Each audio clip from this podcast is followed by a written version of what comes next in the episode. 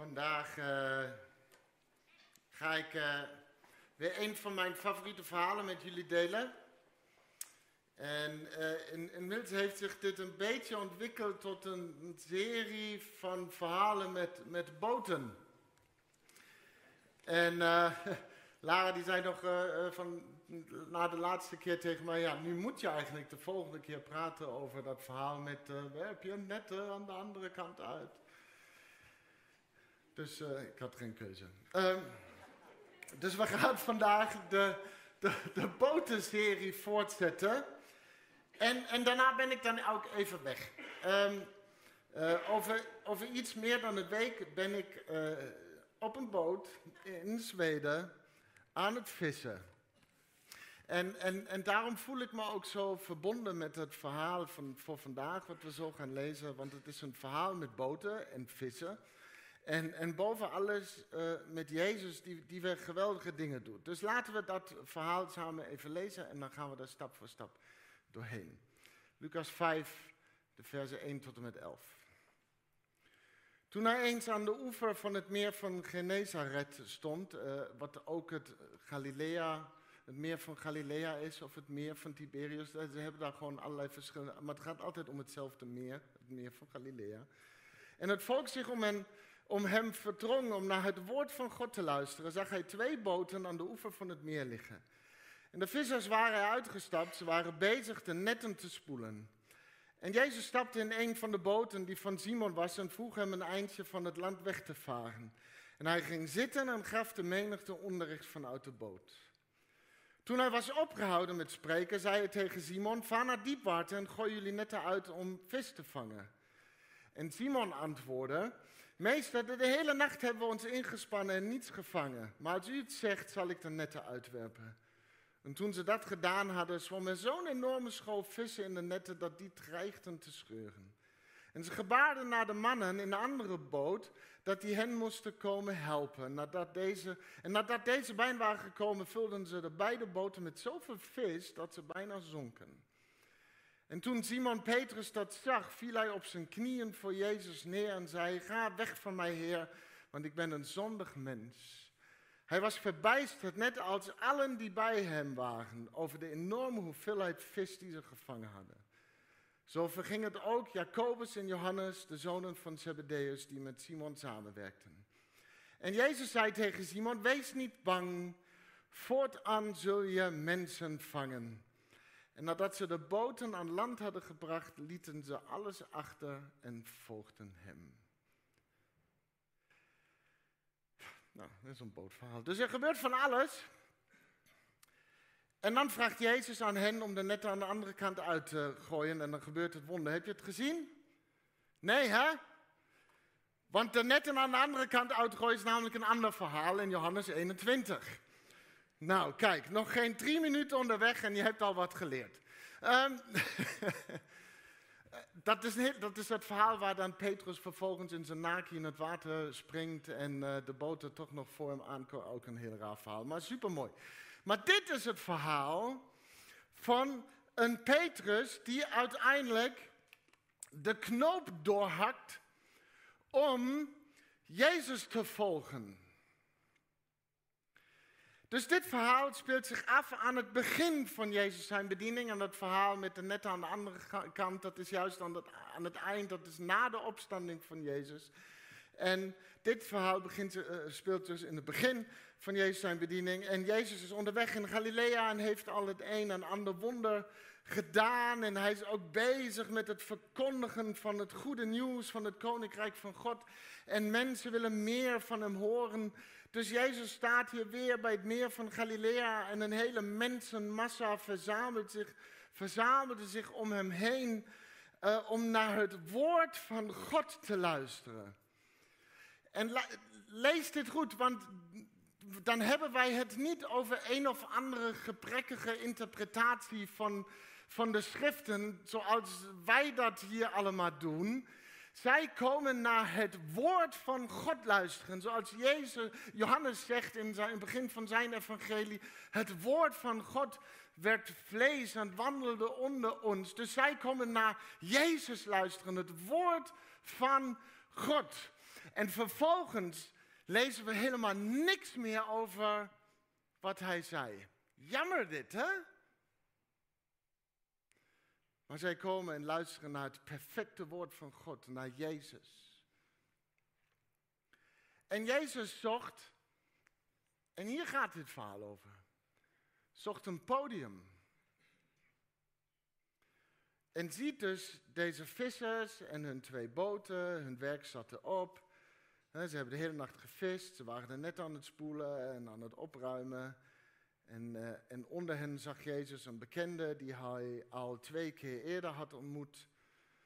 Um, Simon, later, die later Petrus werd genoemd. En ik ga hem in de rest van de preek ook uh, Petrus noemen, maar die naam krijgt hij nog. Dus, hij stapt, dus Jezus stapte bij Petrus in de boot. En, en zijn boot werd een, plaat, werd een podium. Werd een plaats voor Jezus om door zoveel mogelijk mensen gehoord te kunnen worden. En ze luisterden naar Jezus, het woord van God, dat in de boot van Petrus zat. En er zit al in dit ogenschijnlijk onbeduidend, uh, onbeduidende moment een, een, een bijzondere uitnodiging voor ons allemaal. We hebben allemaal zo onze omgevingen waarin we verkeren. Deel het maar even heel grof in, in kerk, in privé en in werk. En we hebben geen moeite met, met, met Jezus laten zien in de kerk. Ook in vele gezinnen, hè, in onze privésituatie, is dat meestal geen probleem voor ons. Maar, maar dan is er nog ons werk. En de uitnodiging is dit. Is onze professionele omgeving ook beschikbaar voor Jezus om door zoveel mogelijke mensen gehoord en gezien te worden, omdat wij Hem hebben meegenomen in wie wij zijn? Hem in onze boot hebben laten stappen. En misschien gaat het niet zozeer over je werk. Misschien zit je iemand die zegt van, oep, gelukkig, ik ben met pensioen. Dus dit gaat niet over mij. Dus misschien gaat het niet zozeer over je werk, maar allemaal hebben we zo delen in ons leven waar wij Jezus minder laten deelnemen. Of delen in ons bestaan, in onze ziel, waar we Jezus niet toelaten. Niet in onze boot laten. Het zijn zo dingen in ons bestaan waar we misschien een ervaring, een herinnering, uh, iets wat we gewoon een hekje omheen hebben gezet. En daar laten we Jezus niet komen. Want oh, als we Jezus daar zouden laten komen, dat zou betekenen dat we lief moeten hebben, terwijl ik dat echt niet wil. Als ik Jezus daar zou laten komen, dan zou ik moeten vergeven. Dan zou ik naar hem moeten luisteren in, in dat stukje van mijn leven, terwijl ik dat echt niet wil hekje omheen gezet. Dus het is niet zo ingewikkeld in een omgeving van gelovigen of van familie, maar hoe zit het met de rest? Met ons geloof in de kerk is, is, is wel een vertrouwde omgeving voor het geloof, maar vertrouwen we ons geloof ook met de rest? Wat is er nodig om die knoop door te hakken.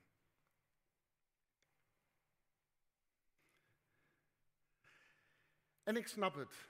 Want als we, als we Jezus meenemen, hem betrekken in het geheel van ons bestaan, zou het zomaar kunnen zijn dat we uitgedaagd worden door hem voorbij het vertrouwde. Jezus vraagt aan Petrus om naar het diepe water te varen.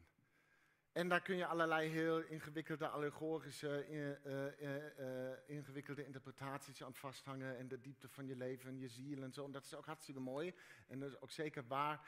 Uiteindelijk is het gewoon ook, je moet naar diep water, want het is wat vis is. Um, dus je kan het ook minder ingewikkeld maken. Maar hij zegt wel, en dat geloof ik wel. Jezus zegt als het ware wel tegen hem, Petrus, neem wat risico's. En, en, Petrus reageert met ratio. met, uh, we hebben de hele nacht gevist, niks gevangen en overdag vangen we zeker ook niks. Dus de meeste van ons, die, die zijn, tikken misschien ook zo. We zijn opgevoed met een, een wereldbeeld van, van hamsteren. Uh, eerst ik genoeg, want er is misschien niet genoeg.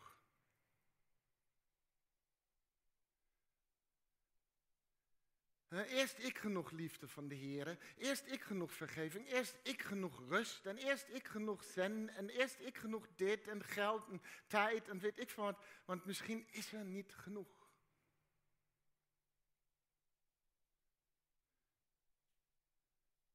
Dus geen onnodige risico's nemen. Ervoor zorgen dat je altijd, weet ik veel, gelijk hebt. Niet je comfortzone verlaten. En, en je zou kunnen zeggen dat gelovigen nog erger zijn. We zijn vaak niet echt enorme geestelijke ondernemers. Er is niet veel nieuwsgierigheid, vooral business as usual. Ze gangetje maar Jezus neemt Petrus dus mee van ratio naar een plek van geestelijke risico's nemen. En velen verblijven ergens in de oppervlakkigheid waar geen risico's zijn, geen verrassingen, waar niks wordt ontdekt en niks nieuw is. En zeggen ook nog, ja, maar in de Bijbel staat er is niks nieuws onder de zon. Dat klopt. Dat is jouw lijfspreuk geworden. maar vaar naar diep water. En diep water betekent dat veel niet zichtbaar is. Best diep, je zal niet alles overzien. Er zullen dingen zijn waar je niet zeker van kan zijn. Dus we hebben gelezen, vaar naar diep water en gooi jullie netten uit om, te, om vis te vangen. En Simon antwoordde, meester, de hele nacht hebben we ons ingespannen en niks gevangen. Maar als u het zegt, zal ik de netten uitwerpen. En ik snap Petrus zijn, zijn aarzeling, zijn twijfel. Om te beginnen, het meest voor de hand liggende probleem wat, wat twijfel zou kunnen oproepen is, Jezus is timmerman. In eerste instantie hebben ze hem nog niet zo misschien gezien als de Messias, dat inzicht komt een paar regels later. In eerste instantie was Jezus timmerman. Wat weet zo'n houthakker over vissen. Dus Petrus lijkt het hem dan ook nog soort van uit te leggen. Heer, luister even, we waren de hele nacht bezig. En, en nu hebben ze opgegeven en, en waren aan het opruimen. Je proeft dus enige twijfel bij Petrus. Maar uiteindelijk doet hij wat Jezus vraagt en dat, dat is niet gek. Dus Petrus geeft hem soort van de het voordeel van de twijfel. Want een hoofdstuk eerder, in Lucas 4, lezen we hoe, hoe Jezus de schoonmoeder van Petrus heeft genezen van een heel hoge kort.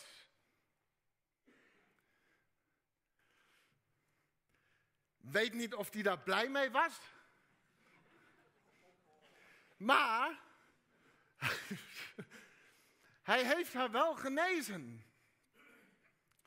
Dus Petrus had al gezien wat Jezus kon en daarom geeft hij hem het voordeel van de twijfel. Maar als u het zegt. En, en naast twijfel proef je trouwens ook enige frustratie bij Petrus. Hij is duidelijk gefrustreerd hè, dat, dat al hun inspanningen niks hadden opgeleverd. Niks gevangen. En dan komt Jezus nog rare verzoeken doen. Maar hier is wat wij moeten zien. Je toekomstige zegen zal vaak komen in de momenten van je grootste frustraties.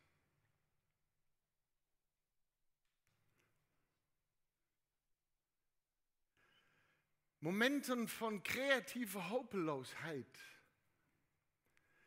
Dat we zo hopeloos zijn, want we hebben alles geprobeerd wat we kennen, wat anderen tegen ons zeiden, wat we op die blog hadden gelezen en in dat uh, do-it-yourself, zeven stappen tot herstelboeken en weet ik veel allemaal wat.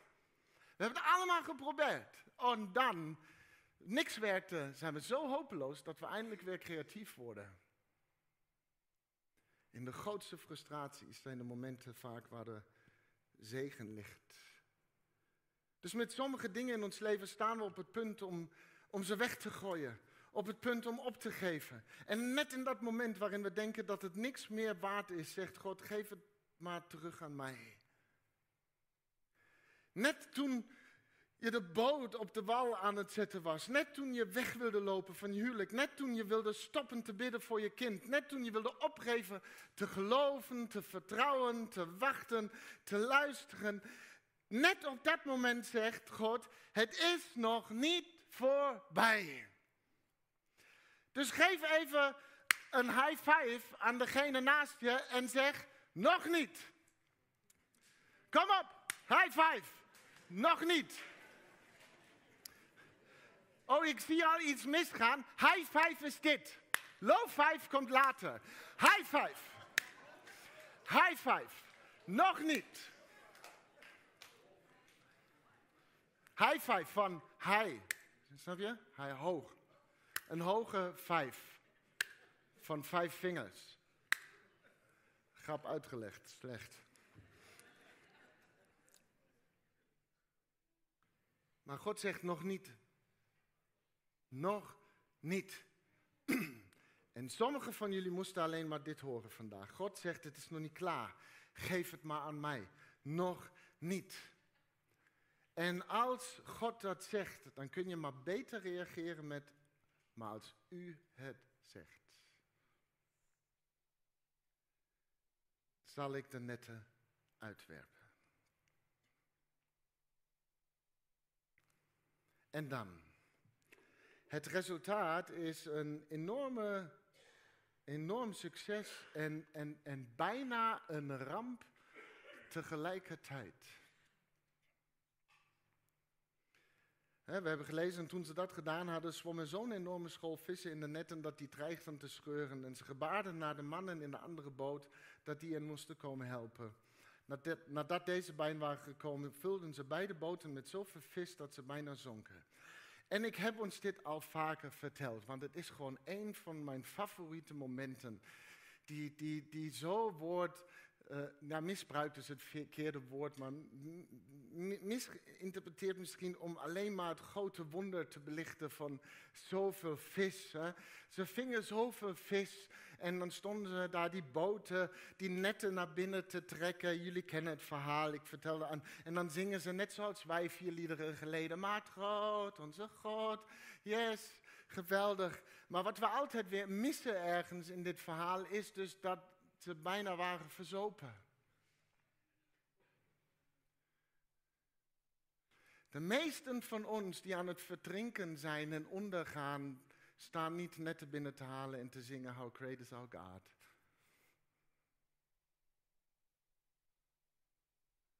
Het was dus niet alleen prijzeluja, maar Jezus had hen bijna omgebracht.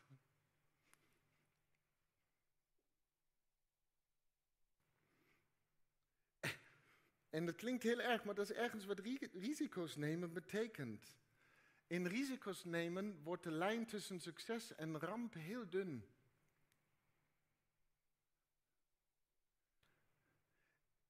En je bent er maar beter klaar voor als je risico's wilt nemen, want er zullen momenten zijn dat je in de waar zult zijn wat het nu is. En dan zal je je focus moeten kiezen dan zou je moeten kiezen, is het een ramp of is het een succes? En als je gaat voor ramp, dan zou het dat ook zomaar kunnen worden. Weet je, als ze zich alleen hadden gefocust op niet willen zinken, op het ramp, hadden ze nooit de andere boten erbij gehaald om hen te helpen en waren ze dus ook gezonken.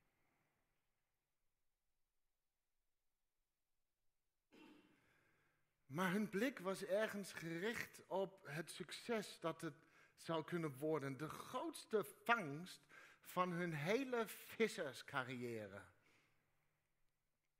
En met deze focus haalden ze de andere boot erbij om de enorme zegen te ontvangen van zoveel vis dat anderen moesten helpen ontvangen. En je zou bijna kunnen zeggen dat het te veel was van het goede. Ken je dat? dat er van alles gebeurt in je leven en er is gewoon te veel van het goede. Te veel van het goede. Je kan het bijna niet aan. Je nam wat risico's en dat pakte goed uit. En nu weet je bijna niet meer hoe je het allemaal moet handelen, omdat er gewoon te veel van het goede is. En dit zijn cruciale ervaringen die vaak volgen op het moment dat God zegt nog niet. En waar je ook voor gingen. En het, en het zijn de momenten dat als God in overvloed geeft, te veel van het goede, waar anderen erbij mogen halen. En die momenten, want ik zie jullie allemaal denken, ja, bij mij is nooit, nooit genoeg. Hamsterham, no, nee, ik had nog nooit te veel van het goede. En dat zegt het individu. Want ik geloof echt dat er die momenten echt wel zijn. Maar we zien ze vaak niet omdat we te veel kijken als individu. In plaats van, zoals we zijn gemaakt als lichaam van Christus, als gemeenschap. Om maar één voorbeeld te noemen.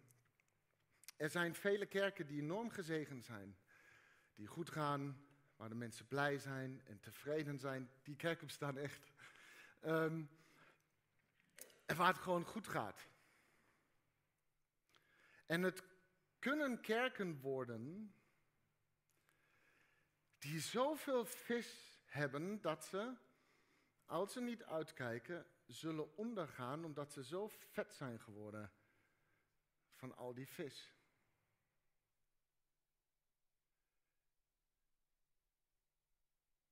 Ja, we worden uitgedaagd om risico's te nemen en begrijpelijk dat we dan ook willen oogsten als het goed uitpakt, maar er is wel een twist.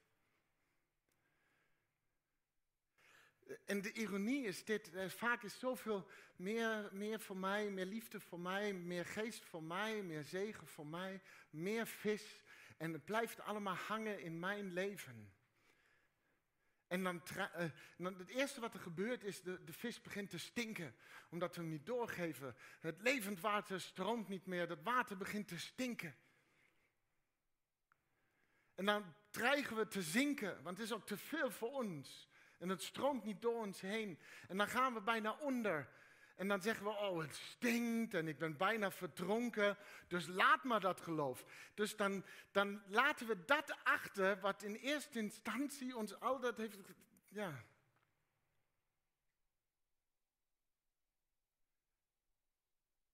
Dus we worden uitgedaagd om risico's en begrijpelijk dat we dan willen oogsten uit het goede. Maar als God je te veel van het goede geeft in respons op je genomen geestelijke risico's, dan is het nooit bedoeld alleen voor jou. Voor ons.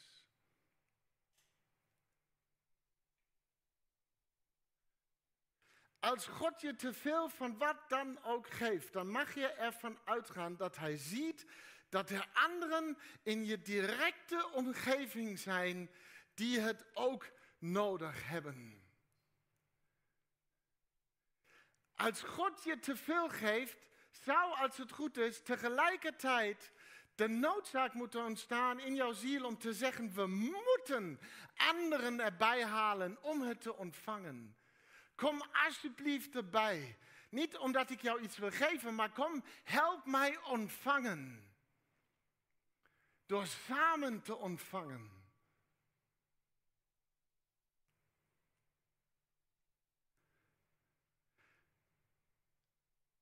Dat er iemand in onze directe omgeving is die het ook nodig heeft. Die iemand nodig hebben die tegen zegt, er is meer. Mag ik het met je delen? Kunnen we samen ontvangen? God gaf mij meer dan genoeg voor ons allebei. Dus geef even degene naast jou een low five en zeg, er is meer. Jullie met pensioen ook allemaal, kom op, er is meer. Er is meer. Ze kijken me allemaal aan. Uh, kinderachtig, uh, die dan. Uh. Dat klopt. Laat de kinderen maar bij jou komen. Oké. Maar hier is de ironie. Hier is de ironie. Juist omdat we zo opgevoed zijn, misschien met dit hamsteren wereldbeeld van het is niet genoeg voor mij. En, en de gemeenschap buiten beschouwing laten in onze analyse van hoeveel er is, zeggen we dan als verzameling van individuen wel weer heel gemeenschappelijk, maar liever geen risico's nemen.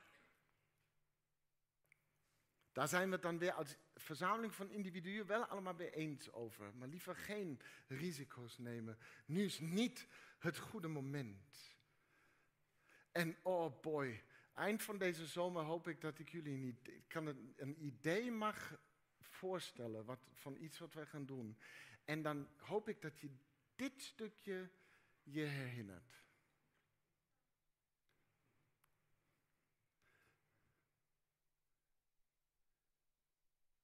Maar vaak zeggen we later misschien, later misschien, als ik het allemaal zeker weet, dan, dan hè, dat het goed is. Nu is geen goede tijd. Nu is geen goed moment. Zeggen we dan vaak als verzameling van individuen. Maar hier is wat ik geloof. Elk moment, oh, onthoud die zo goed, over een paar maanden snap je het. Elk moment is een goed moment om een zegen te zijn.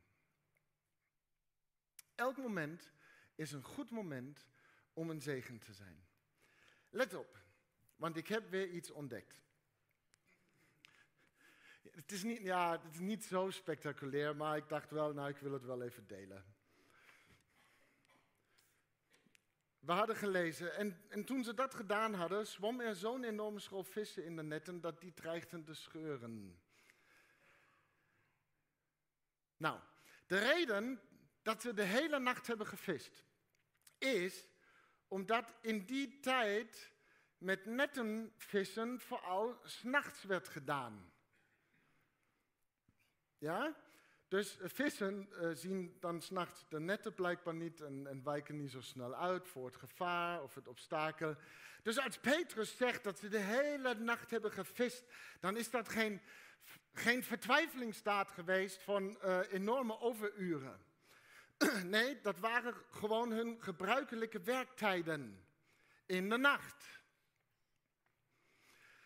Dus Jezus, als, dat Jezus dan midden op de dag aan hen vraagt om nog een keer te gaan vissen, is super raar. Want iedere visser weet dat je overdag niks vangt. Het is geen goed moment. En als je het verhaal dus leest, hebben ze technisch gezien ook inderdaad niet gevangen. Want er staat, en toen ze dat gedaan hadden, dus de netten uh, opnieuw uitgooien, zwom er zo'n enorme school vissen in de netten dat die dreigden te scheuren. De vissen kwamen naar hen toe.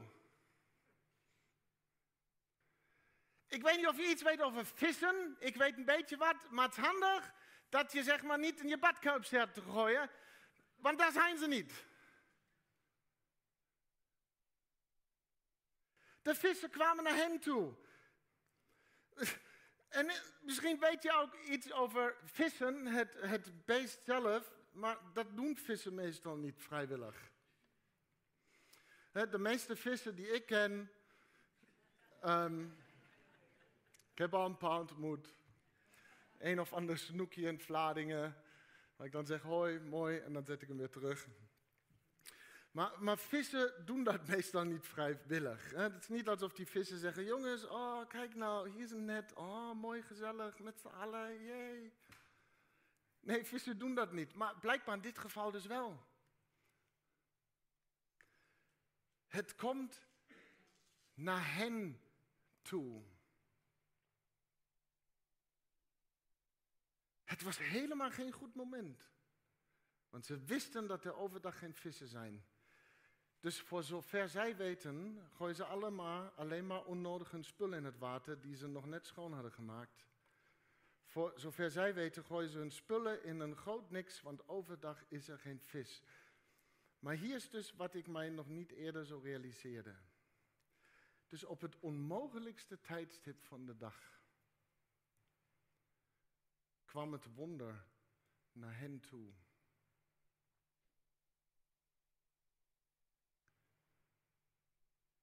En hopelijk heb je je netten klaarstaan in dat super slechte moment. Want je weet nooit wat jouw kant op komt.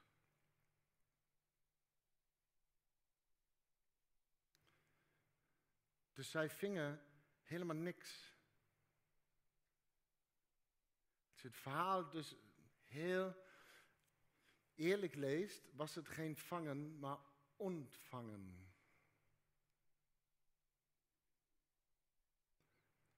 Want God zei, gooi je netten maar uit, want er is meer.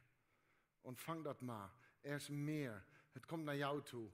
Hoe onmogelijk het tijdstip en het moment ook lijkt. Er is meer. Misschien denk je dat, je dat het geen goed moment is, maar er is meer. Deel het maar uit. Elk moment is dus een goed moment om een zegen te zijn. En dat is de economie van geestelijk ondernemerschap in het koninkrijk van God. En dan komen we bij deze bijzondere respons van Petrus. Het, het, is een respons die vaak een beetje vlak wordt toegelicht in de zin dat Petrus nu vooral erkende hoe gereformeerd zondig hij is en waardeloos. He, daar lezen we, toen Simon Petrus dat zag, viel hij op zijn knieën voor Jezus neer en zei, ga weg van mij Heer, want ik ben een zondig mens. En voortaan zal ik bidden, niet omdat wij het verdienen, maar om Jezus wil. En hij was verbijsterd, net als allen die bij hem waren, over de enorme hoeveelheid vis die ze gevangen hadden. Zo verging het ook Jacobus en Johannes, de zonen van Zebedeus, die met Simon samenwerkten. Nou, Petrus zijn respons is nogal verbazingwekkend. En er is hier geen enkele aanwijzing dat Petrus op welke reden dan ook een bijzonder slechte of onwaardige persoon is. Maar hij erkent het enorme verschil tussen hemzelf en Jezus. Het Griekse woord dat hier gebruikt wordt voor verbijstering, voor, voor, voor verbazing, is uh, thambos. Of thambos, of tambos. En dit woord wordt regelmatig gebruikt voor de vrees of, of het gevoel dat iemand kan overkomen als ze de ontzagwekkende heiligheid van God ontmoeten. Dus met andere woorden, ze zijn niet alleen verbaasd over het onverklaarbare wonder dat naar hen toe kwam, maar ze realiseerden zich dat ze in de aanwezigheid van iemand waren die volledig anders is. En dat is een belangrijk inzicht. Dus het is niet de zoveelste kwakzalver die hoe dan ook wat zieken kon genezen en een schoonmoeder haar koorts kon wegnemen. Ze realiseerden zich wij zijn in de aanwezigheid van God Almachtig. Dus als Petrus zegt dat hij een zondig mens is, dan is het niet een uitdrukking van, van een soort zelfhaat. Maar een inzicht van wie zij daar voor zich hebben. En Petrus geeft een respons, denk ik, die wij ook zouden geven als we in de aanwezigheid van grootsheid zouden zijn. Van iemand die ver boven je pet gaat. Je zou je, zou je waarschijnlijk ook onwaardig voelen. Je zou je met Petrus afvragen, waar, waar ben ik mijn hele leven geweest? Hoe kan deze persoon mij zo ver voor zijn? Het is dus geen zelfhaat, maar een goed zelfbevragen. En dan zegt Jezus tegen Simon, wees niet bang, voortaan zul je mensen vangen. Wees niet bang. Heb je die ooit een keer gehoord in de Bijbel? Nou, het is de uitspraak die het meest voorkomt in de Bijbel. Sommigen zeggen zelfs, ik heb het niet geteld, dat het 365 keer voorkomt. Voor elke dag van het jaar één keer.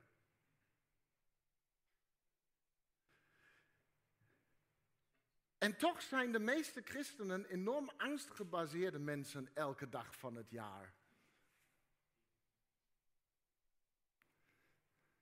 Bang dat God niet van hen zal houden. Bang dat dit niet wordt vergeven. Bang dat ze niet naar de hemel gaan. Bang voor risico's. Bang voor andere rassen. Bang voor andere religies. Bang voor andere genders. Bang voor wat dan ook. En allemaal lijkt het alsof God tegen hen zei dat ze bang moeten zijn.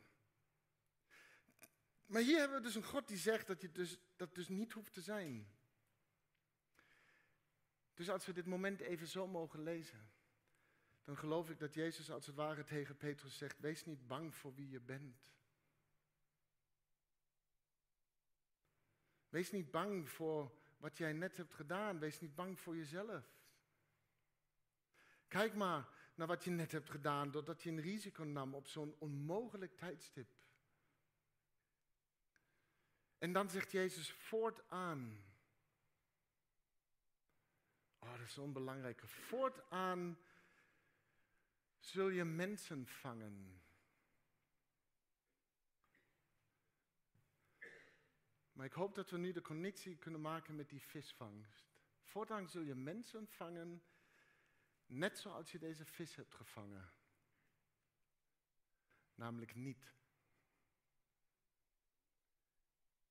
Je hebt het ontvangen. En dagelijks voegde de Heer toe aan hen die gered wilden worden.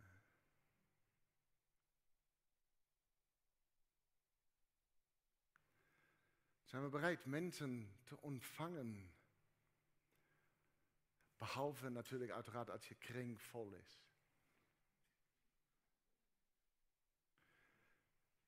Zijn we bereid mensen te ontvangen? Ik, ja, nou, behalve als je al twintig jaar met elkaar optrekt en je bent zo'n mooi clubje met elkaar geworden. Zijn we bereid mensen te ontvangen? Zeker als ze maar niet op mijn plek zitten. Irritant was dat afgelopen week. Zijn we bereid mensen te ontvangen? Ja, maar hij, uh, hij kleedt zich wel een beetje raar.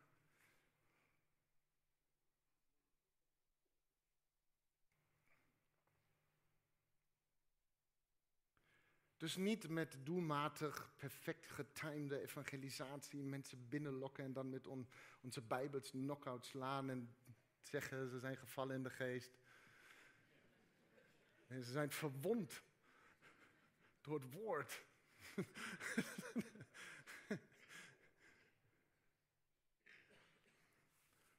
maar op de slechtste tijdstippen van je leven merken dat ze zomaar aankomen zwemmen.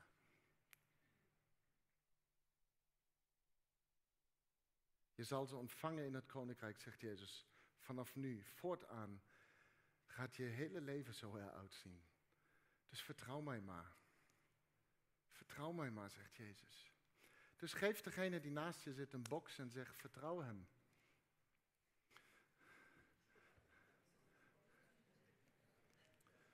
Uh,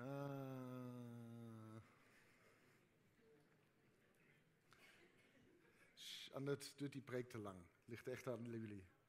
Dus wees niet bang Voortaan zul je mensen vangen. En nadat ze de boten aan land hadden gebracht, lieten ze alles achter en volgden hem. Ze lieten alles achter.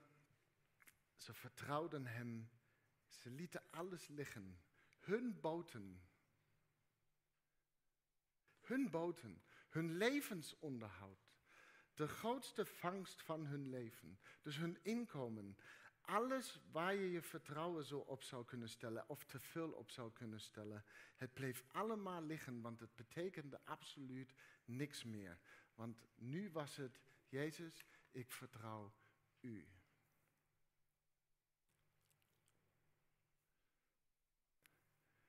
En hier is dan zo dat kleine wonder wat ik me zo voorstel dat niemand heeft gezien. De grootste visvangst van hun leven lag weg te rotten aan het strand. Ja toch? Nee, want er stond een hele mensenmassa te kijken wat die gasten daar buiten, midden op de dag, aan het doen zijn, hun netten uit te gooien.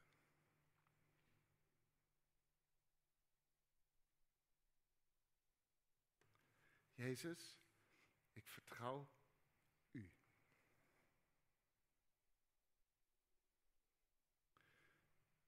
En, we kennen de verhalen van denken dat het niet genoeg zal zijn. Dat het niet het goede moment is. Van frustraties en twijfels, al te goed. En het belangrijkste dat we op elk moment in elke situatie kunnen doen, is Jezus vertrouwen. Dingen en mensen hebben altijd de neiging om zich op Jezus zijn plek te dringen en, en dan vertrouwen we hem niet meer. Maar dus te midden van je verwarring, onzekerheid, onderdrukking, verleiding, tegenvallers en terugvallen, zwakte, verdriet, duisternis, stormen, frustraties en twijfels te zeggen, Jezus, ik vertrouw u, is het krachtigste gebed dat je kan bidden.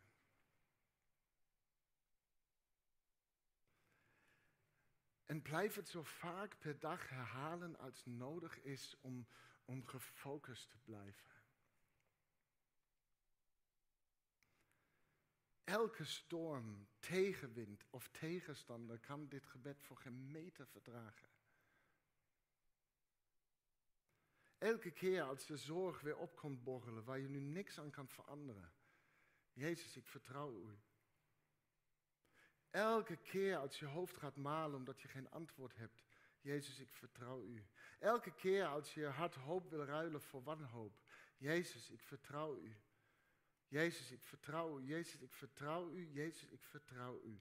En je zal zo'n actuele situatie waarschijnlijk in je, in, in je leven naar boven kunnen halen. In je onzekerheid, onduidelijkheid, zorg, angst of wat dan ook. Iedereen kan dat nu meteen doen. Doe het maar meteen. Even zeggen hier en hier en hier. Jezus, ik vertrouw u.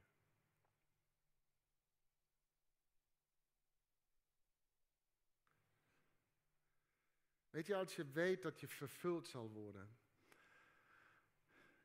Genoeg vis. Als je weet dat er voor je gezorgd zal worden. Als je weet dat je geliefd bent, wat het dus betekent om een gelovige te zijn, dan zal je werkelijk alles achter je kunnen laten waar je al je vertrouwen op stelde en het risico nemen om Hem te vertrouwen. Dus hier is wat ik wil dat je ziet en altijd weer aan denkt. Is een high five. Wacht even. Nog niet. Het is een low five. Er is meer. Ontvang dat maar. En er is een box. Vertrouw hem. Tik hem aan, Jezus. Nog niet. Er is meer. Vertrouw hem. Amen.